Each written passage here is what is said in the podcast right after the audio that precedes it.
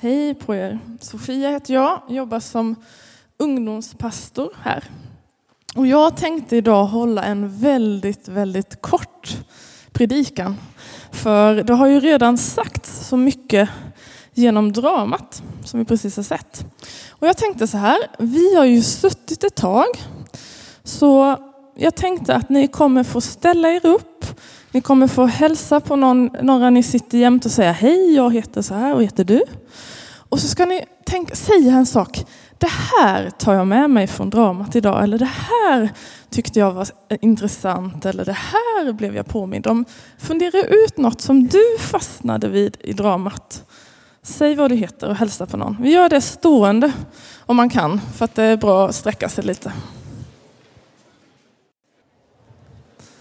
Om ni kände att ni inte hade pratat klart får ni väl prata mer sen på kyrkfikat och fortsätta fundera tillsammans och tänka. Eh, jag tänker, eller om jag ska sammanfatta det jag såg i dramat eller tänkte på så tänker jag att vi lever i ett upp och nervänt rike. Alltså, då kanske man först tänker, ja men världen känns upp och ner, eh, vi har ingen regering, klimatet verkar liksom ha flippat ur. Jag vet inte hur saker ska bli, men när jag tänker på att vi lever i ett upp och nervänt rike så menar jag att, eh, att eh, Gud gör saker på ett annorlunda sätt än vad man har anat. Alltså Gud blir människa. Gud blir människa, det är helt sanslöst. Och så viktigt. Alltså som kristna så tror vi på en Gud som blir en av oss. Som eh, delar våra liv. Som verkligen vet vad det är att vara människa. Det är inte så att Gud bara är Gud och något långt borta som inte anar, utan Gud blir människa. Han vet vad det är att leva så som vi lever. Och som vi ju har hört i berättelsen så föds Jesus i ett stall. Och jag tänker också det just när universums mäktigaste, när universums herre föds, ska bli människa, så gör han det, det i ett stall, långt ifrån maktens korridorer. Och det var liksom inte så många som kände igen honom. Inte som, så många som tog emot honom. Och jag tänker att det är inte så konstigt. Um, och man, de läste innan här från Johannes 1 och jag tänkte vi skulle läsa ett par verser därifrån igen. I Johannes 1 och 14 så står det så här. Um, nej, det kanske inte hade någon bild. Ja, ja. Så här står det i alla fall. Det var 14 de läste. Vi ska läsa vers eh, 11. Så, han kom till det som var hans, var hans och hans egna tog inte emot honom. Alltså vem hade anat, vem kunde? Säg att du funderar på, tänk hur ska det bli när räddaren kommer? Hur ska det bli när Gud kommer för att säga nu är det jag som ska visa hur historien ska bli. Vem hade i sin vildaste fantasi kunna ana att han skulle födas i ett stall. Ingen anade det. Och kanske är det därför inte människor tog emot honom. Det kanske är det därför vi ibland inte heller gör det. För vi tänker, men vad, är det här för Gud? Men vi tror på en annorlunda Gud. Vi lever i ett annat rike.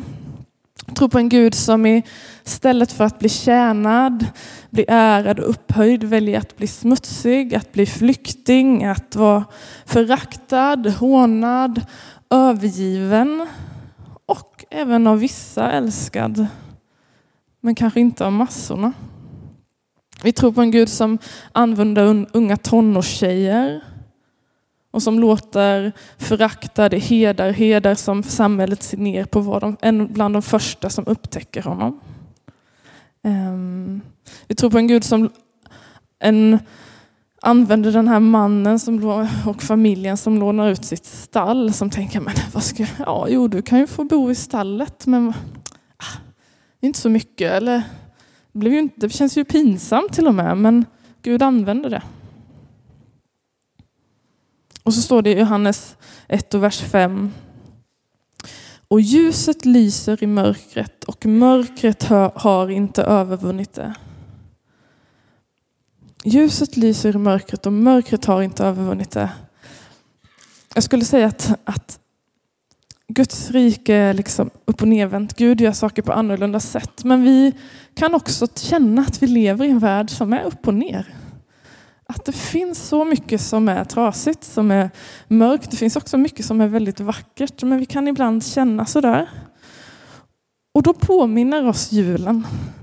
Då påminner oss julens berättelse att ljuset lyser i mörkret och mörkret har inte övervunnit det. Jesus lyser i mörkret. Det finns ingen som kan övervinna Jesus. Och Bibelns berättelse är inte att allt kommer sluta i mörker. Bibelns berättelse är att, att det kommer sluta i ljus. För ingen kan övervinna Jesus och det är han som har kontrollen.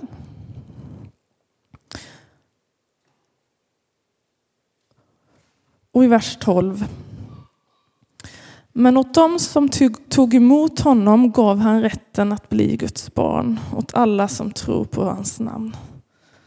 Var och en som tror på Jesus, på en Gud som föd sitt stall, får vara med i hans familj, blir inkluderad. Det är inte svårare än så. Eh, du, du kan få vara en del i det här. Guds plan för världen.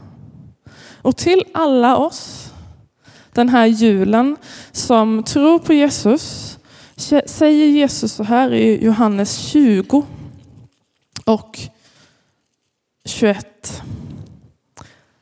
Jesus sa det till dem igen, alltså han hade påmint om dem, dem om det här innan. Jesus sa det till dem igen.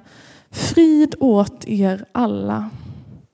Som Fadern har sänt mig sänder jag er. Jesus vill ge dig av sin frid. Tänk att få vara med om frid och fred. Det är det vi många som skulle behöva. Jesus vill ge dig av sin frid, av sin julfrid, för han är ljuset som lyser i mörkret. Och så säger han till var och en av oss, gör nu som jag har gjort. Gör som jag har gjort. Och vad gjorde Jesus? Utifrån dagens berättelse så kan man ju se att när Jesus föds, när han ska fira sin födelsedagskalas, då bjuder han in dem som ingen hade räknat med. Han bjuder in hedarna som var lång, lågt ansedda i samhället. Han bjuder in astrologerna, stjärntydarna som man tyckte höll på med lite. Sånt där får man inte hålla på med. Och ska de här new age-personerna liksom komma, de bjuder Jesus in till sitt kalas. Och så verkar det vara lite djur och annat. Jesus bjuder in människor som ingen har räknat med. Jesus han levde enkelt. Eh, Jesus föddes i ett stall och det är inte så att Jesus föds i ett stall och sen är det som en sån här klassisk film. Det är någon som föds liksom långt bort borta och det är dåligt och som blir har upptäckt och så plötsligt blir man en prins som bor i ett slott. Nej, det är inte berättelsen. Berättelsen är att Jesus föds i ett stall och så fortsätter han leva ungefär så. Han lever enkelt och han delar med sig av det han har. Bland annat så fick han ju en gång han fick en gång fem bröd och två fiskar av en pojke. Det är många som känner till den berättelsen. Vad gör han? Jo, han delar med sig. Kolla vad jag har fått. Så ger han det vidare. Han, en annan gång går han förbi en man som sitter i ett träd. Jag undrar vad mannen gjorde i trädet. Men han sitter där och så säger han Sakaios kom ner och ät med mig. Kom och var med på vår middag. Jesus bjuder in människor till det han har. Jesus eh, ger undervisning till kvinnor till exempel. Kvinnorna skulle ju inte få undervisning på det sättet. Men när en kvinna kommer sig och sätter vid sig vid Jesu fötter och säger jag vill också vara undervisad av dig. Då puttar inte han bort henne utan säger men kom var med här. Du har valt något som är väldigt gott. Och Jesus tar emot barnen. Han tar tid för dem, han välsignar dem, han lyfter upp dem. Och jag tänker att det är var och en av oss som tror på Jesus har det uppdraget. Att göra som Jesus gjorde på olika sätt. Och jag tänker så här, den här julen, om du ännu inte känner Jesus, ta chansen den här julen och säg, men jag skulle i alla fall vilja att jag ville upptäcka vem Jesus är, eller jag skulle vilja börja tro på Jesus. Jesus inbjuder dig till sig. Och för dig eller oss som, som redan tror på Jesus, var med och sprid Guds upp och nervända rike som är annorlunda. Gör det. Vi ber tillsammans. Jesus, tack för att du blev människa. Du vet att det ja, men för oss mycket är obegripligt. Gud som människa, tanken liksom svindlar. Men tack för att du möter oss. Tack för att du inte är långt borta utan du är nära. Jag vill be för den personen här inne som inte ännu känner dig och som funderar på vad är det där med att tro. Låt er den här julen få närma er varandra några steg. Tack för att du bara längtar efter att välkomna fler till dig. Tack för att du eh, vill använda oss var och en för att, för att ditt rike ska få bli synligt. Det som du har tänkt för den här världen ska få bli synligt här.